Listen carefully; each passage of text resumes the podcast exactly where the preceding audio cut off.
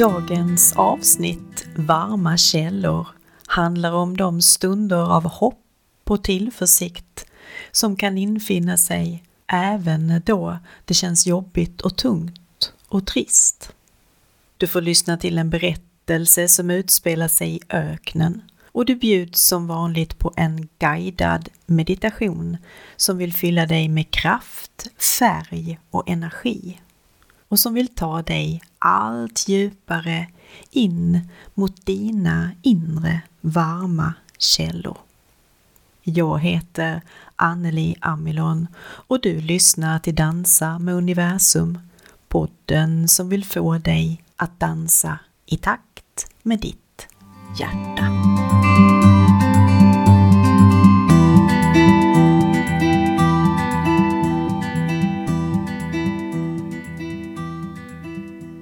Berättelser och berättande är en viktig del i mitt liv.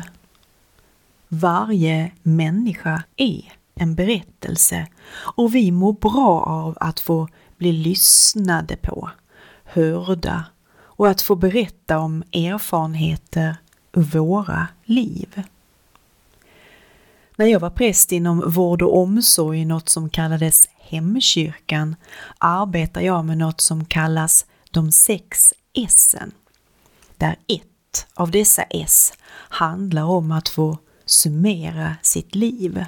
Att i livets slutskede, innan vi släpper taget om detta jordeliv, få famna sin berättelse. Den som lyssnar kanske inte förstår exakt vad det är man sitter och lyssnar till. En till synes alldaglig berättelse ur minnets kavalkad kan vara just den berättelse som behövde få bli berättad. Du som lyssnar behöver inte värdera, inte ens försöka förstå, bara lyssna. Ta emot berättelsen, finnas där. Berättelsen om vårt liv bor i vår kropp. Det är kroppen som bär den åt oss.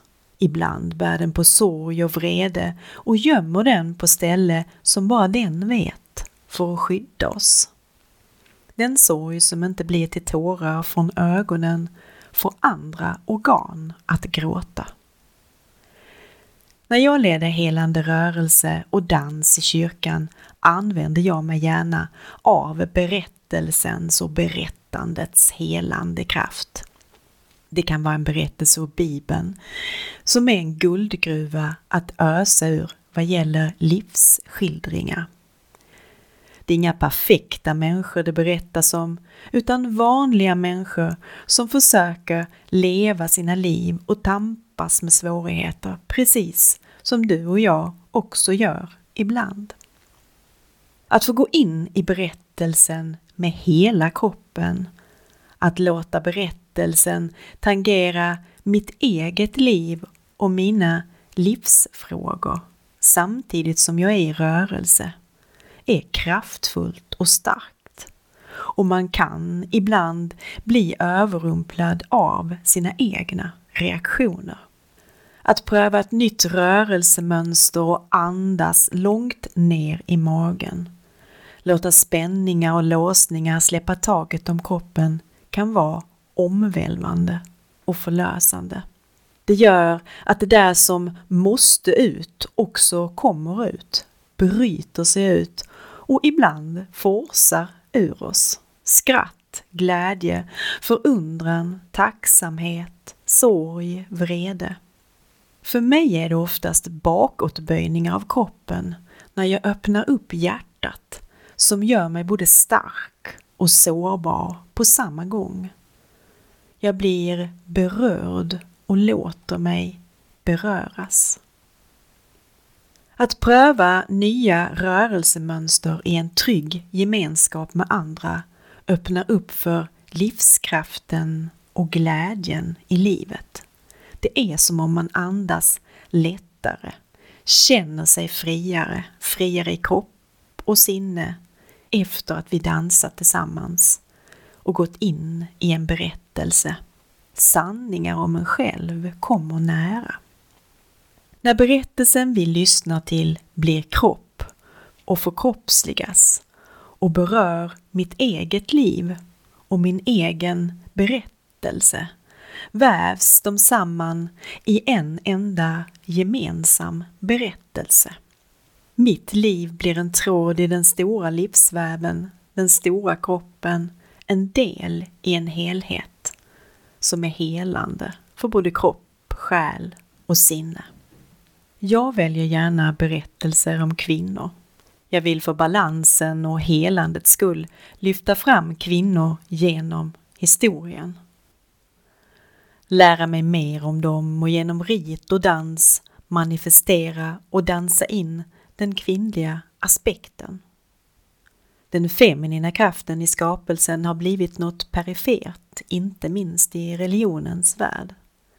Vi har alla ett ansvar, tänker jag, inför kommande generationer att värna Moder Jord och öppna upp för den feminina kraften i våra liv och i världen.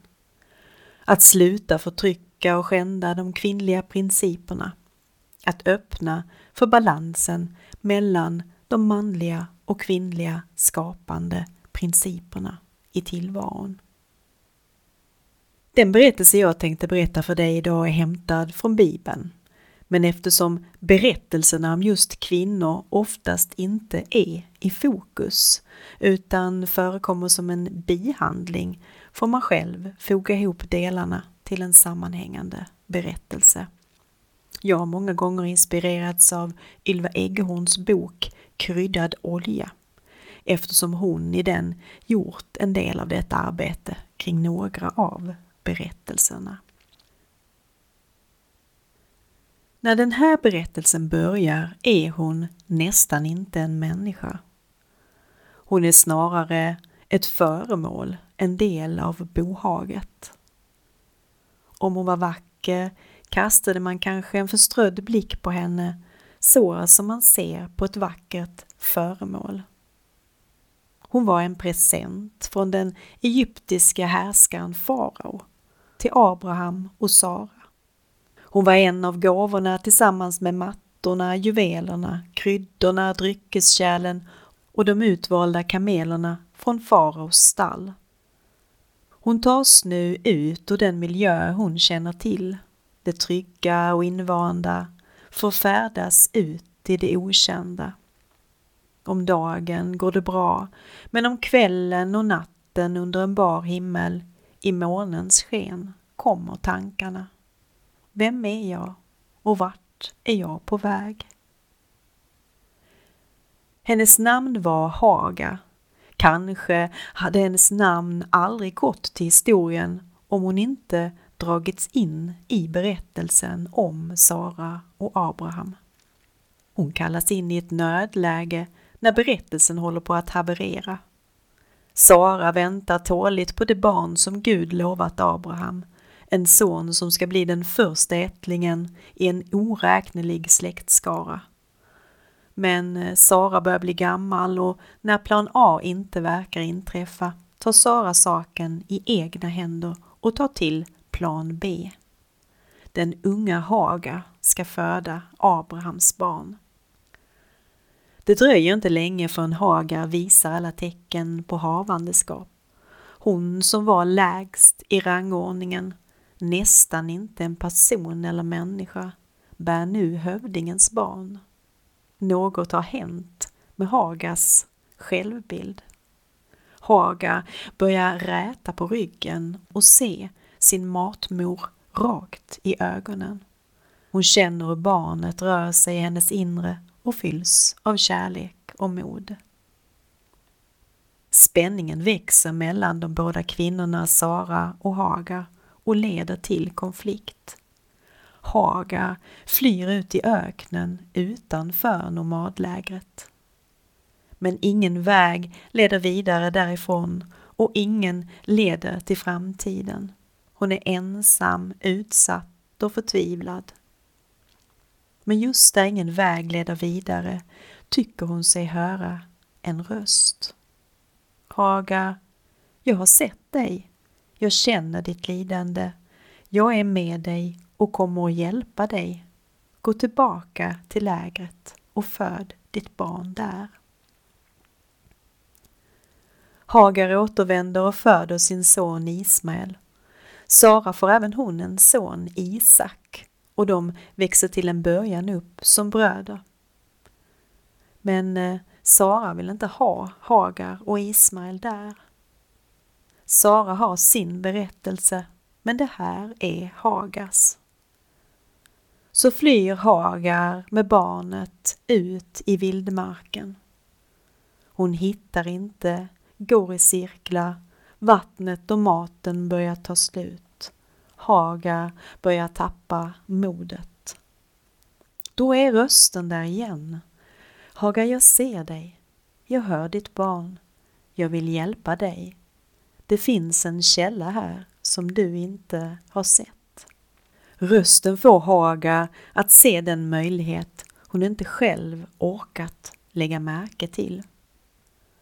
Hon kallar platsen där hon fann vattnet för Ber Lachai Rui, som betyder den som ser mig. Inget i öknen var så viktigt som vatten. Att finna och förvalta brunnar var männens privilegium. Men Hagar var först innan Ana och Esau och de andra som hittade varma källor i öknen och blev berömda för det. Hon tog upp barnet och gav det att dricka.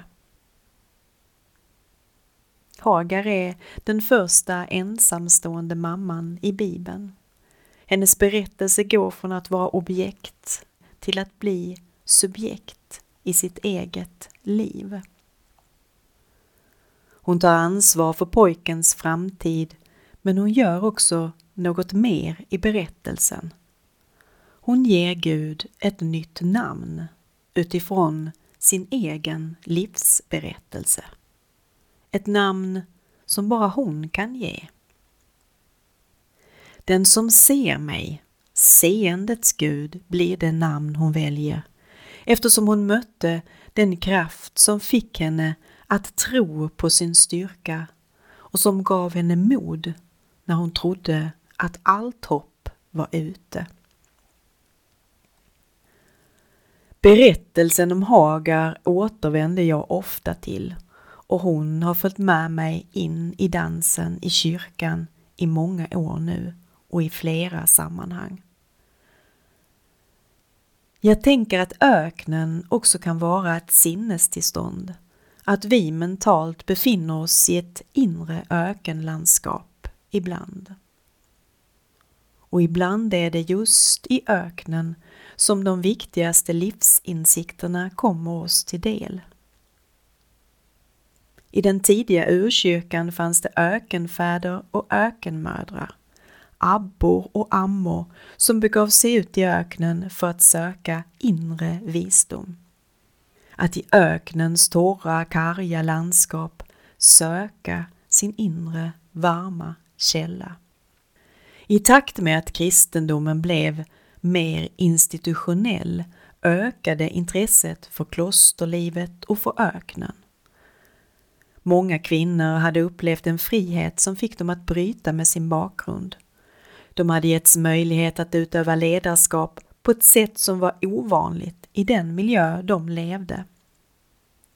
Dessa kvinnor, som hade haft en stor och viktig roll i den tidiga kyrkan, fick uppleva att deras inflytande minskade. Då erbjöd öknen och klosterlivet en möjlighet till fysiskt och andligt självbestämmande.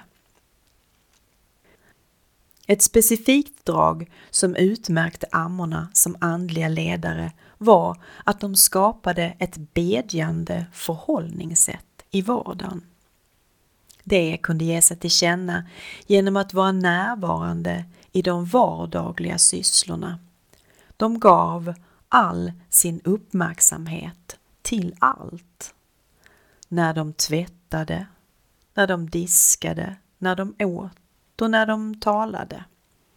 Men ammorna gav sig också ut på längre resor i öknen och när de gjorde det var det för att intensifiera den inre resan.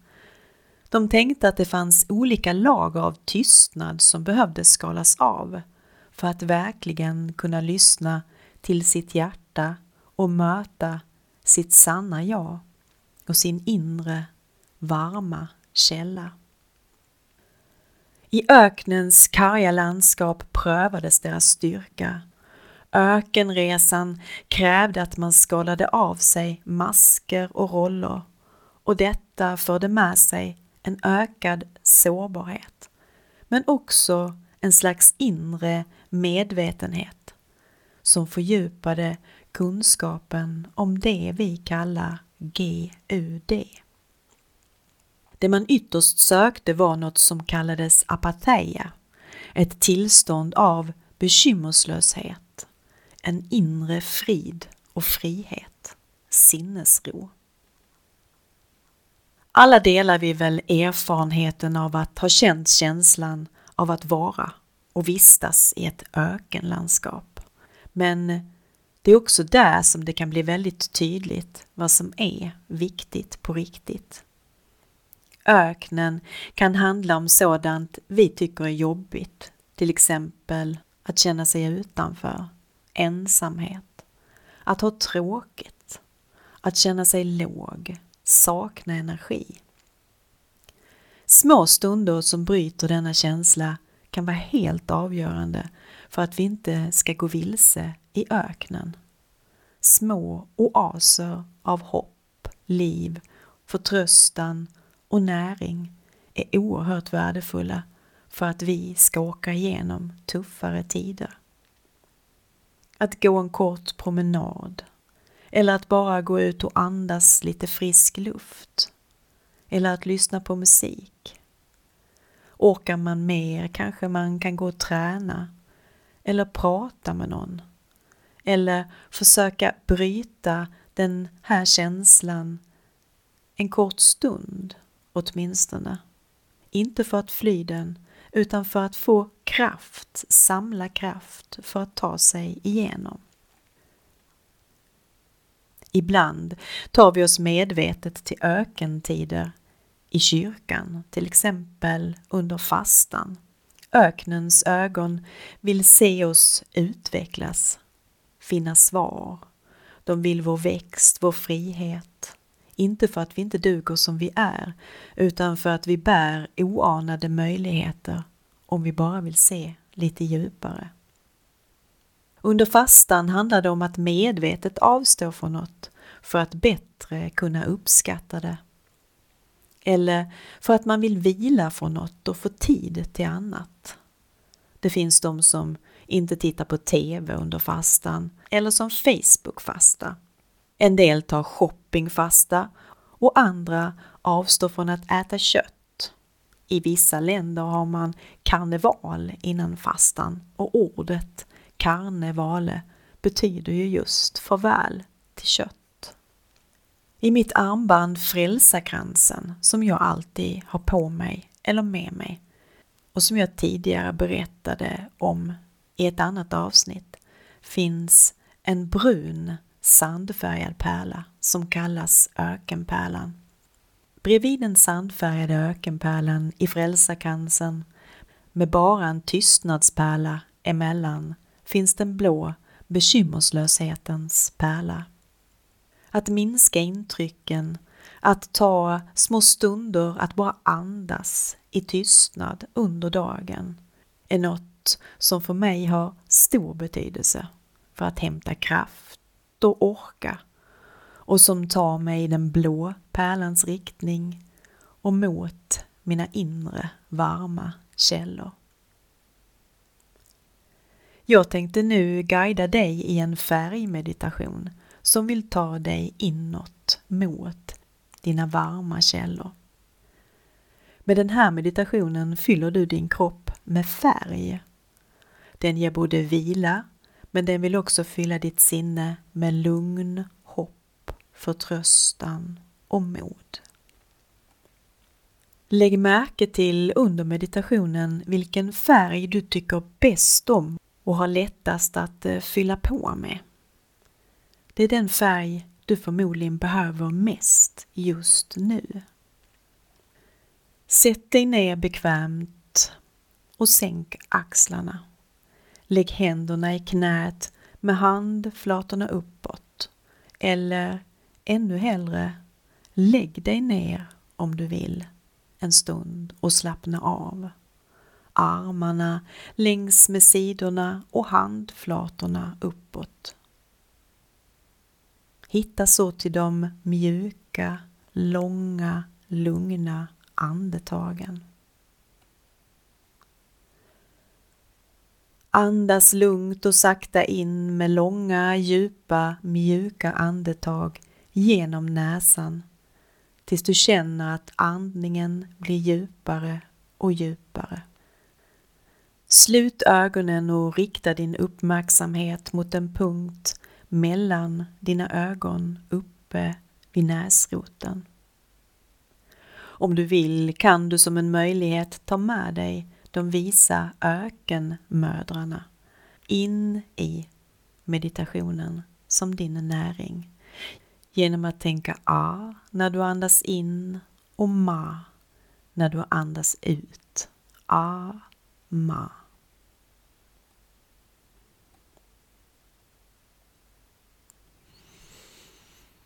Ta ett djupt andetag och föreställ dig att du andas in klart rött ljus genom näsan.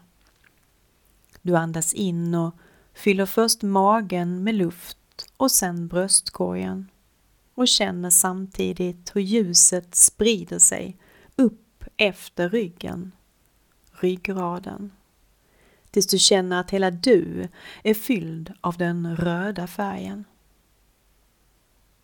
Med den röda färgen tar du in livskraft och motivation, kraft och självförtroende. Låt den röda färgen cirkulera inom dig. Andas in och fyll på av den röda färgen och känn att du är trygg i dig själv och att du har all den kraft du behöver.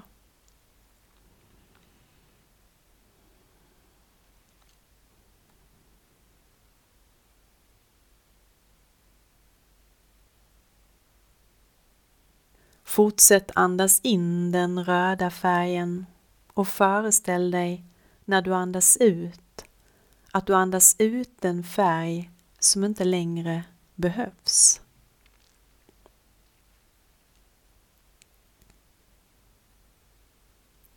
Föreställ dig så att du andas in klart orange ljus genom näsan och ner i magen och upp efter ryggen tills du känner att du är helt fylld av den orangea färgen.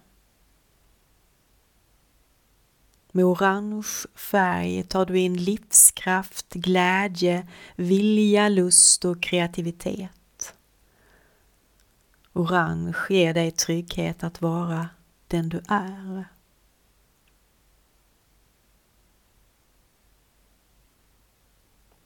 Fyll på med den orangea färgen och föreställ dig att du andas ut den färg som inte längre behövs.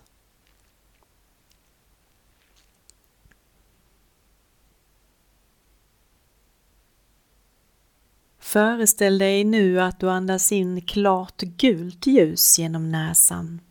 Du fyller på i magen och känner hur färgen stiger upp efter ryggen tills du känner att du är helt fylld av gul färg. Med gult tar du in förändringar och visioner i ditt liv. Andas in färgen och fyll dig av gul färg. Och föreställ dig när du andas ut att du andas ut den färg som inte längre behövs.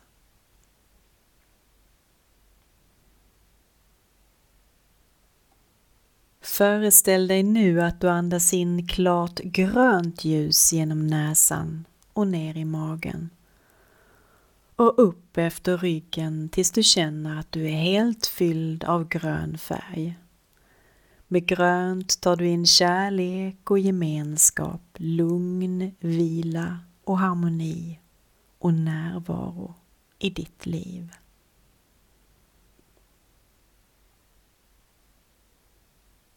Och när du andas ut, föreställ dig att du andas ut en färg som inte längre behövs.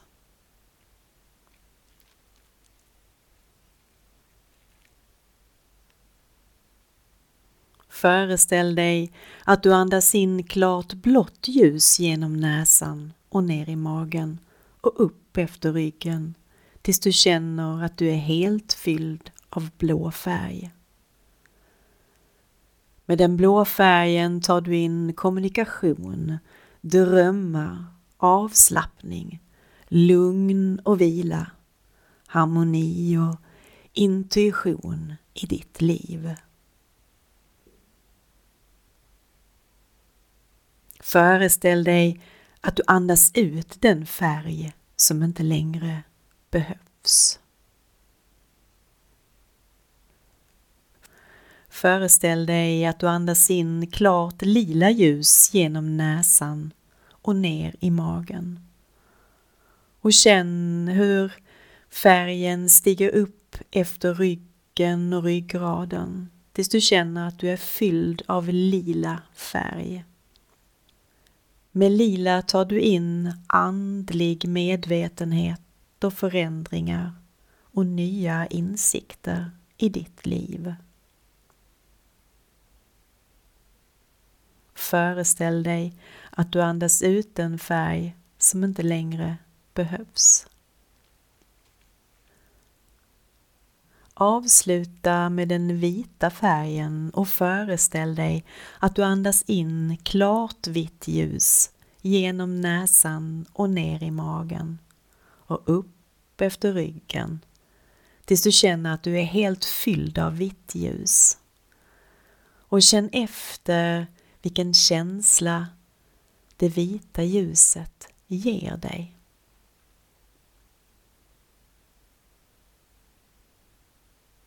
Låt det vita ljuset fylla dig helt och föreställ dig att ljuset strålar ut från dig.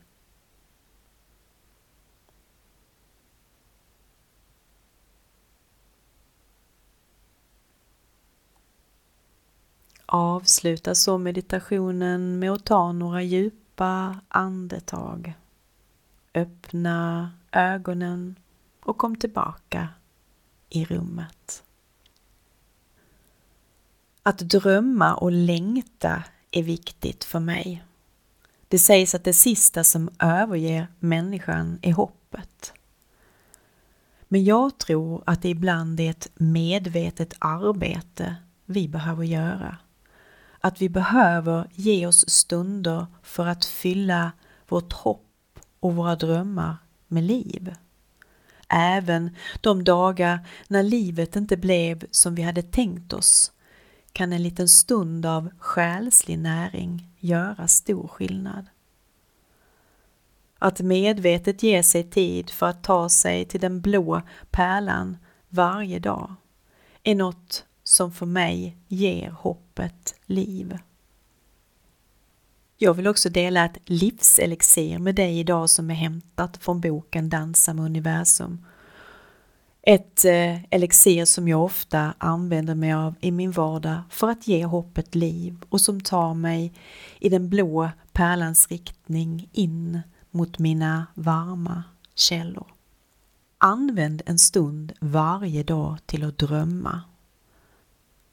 Våra drömmar bär kunskap om det som vill dansa i oss. Är du morgonpigg kan du stiga upp lite tidigare och ge dig en stunds egen tid med en varm kopp te eller en stunds meditation eller genom att bara röra dig en stund i takt med ditt hjärta och lyssna in din kropps rörelser. Använd de små stunderna i vardagen, vid busshållplatsen, i kön i mataffären. Det är ett sätt för mig att få tillgång till mina egna tankar och att medvetet skapa plats för dem. Till exempel så har jag låtit bli att köpa en ny diskmaskin när den gamla gick sönder. Jag diskar nu för hand. Diska var förut bland det tråkigaste jag visste och jag försökte alltid stöka över det fort. Men nu använder jag istället mig av möjligheten som den smutsiga disken ger mig. Jag diskar långsamt och låter tanken ta mig till platser i mitt inre som bara jag har tillgång till. Tankarna och drömmarna som växer fram medan händerna arbetar leder mig mot dansens toner, till det som vill dansa i mig, till sångerna som sjunger i mitt hjärta, till mina inre varma källor. Du har säkert någon tid eller syssla under dagen som du kan använda för att drömma en stund. Kanske kan du vända ett motstånd till något lustfyllt. Det finns saker som binder din tid, men du kan i tanken ta dig till den plats där inga begränsningar finns. Vad är det som du längtar efter egentligen? Och vad berätta din längtan om dig själv? Är du i samklang med dina inre toner och känner dina varma källor? Om inte, hur kan du allt mer bli det? Ett visdomsord från en av ökenmödrarna, ammorna, handlar om just detta, vikten att lyssna till sina drömmar och önskningar. Lyssna till det sköra mötet mellan det mänskliga hjärtat, dess önskningar och drömmar och det oändliga och tysta mysterium som är Gud. Så avslutar jag dagens avsnitt med sången Jag vill drömma om en blå dag. Musiken är skriven av Mattias Lidén och det är också han som sjunger och spelar. Texten skrev jag för många år sedan och den finns i boken Barn och frälsarkransen som Ökenpärlans sång. Så vill jag önska dig en välsignad dag i dans med universum i takt med ditt hjärta.